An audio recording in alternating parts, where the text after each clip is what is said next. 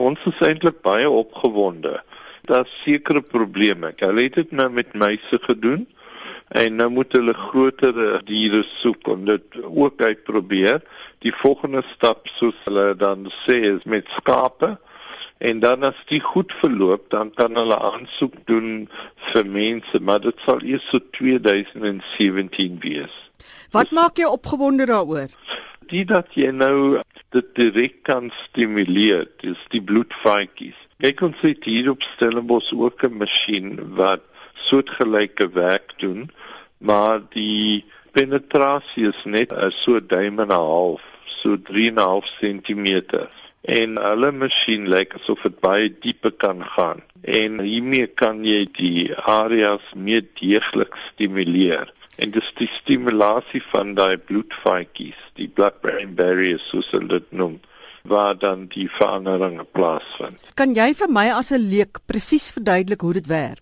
Jy het 'n toevoer van bloed en die afvoer.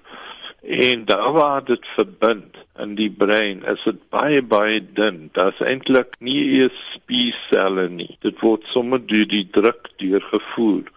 En vroeër het ons altyd geleer daardie die blood-brain barrier. Dit verhoed enigsins kontak met die brein.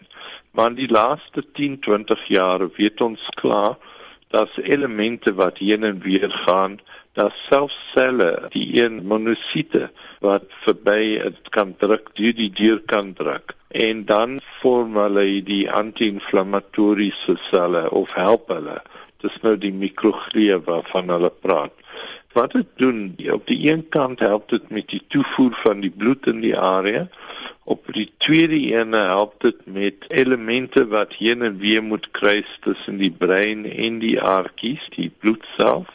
En in die derde fase help dit die selle wat inflammasie bekamp. Want kyk Alzheimer en al die, die siektes in die brein het almal 'n uh, inflammasie gedeelte help dit om die inflammasie te bekamp. Dit sê dit taamlik wydgespreide effekte op die brein. So met hulle stelsels sal 'n mens kan kyk na mense wat gevorderd is. Ja, ek kan nou nie 'n 100% sê nie, maar dit klink so dat jy tussen die lyne lees dat hulle nou nie net oor mense gepraat het wat vroeg begin het. Daar's altyd 'n verskil tussen wat goed werk in diere dat dit nie altyd oorplaasbaar is na mense nie.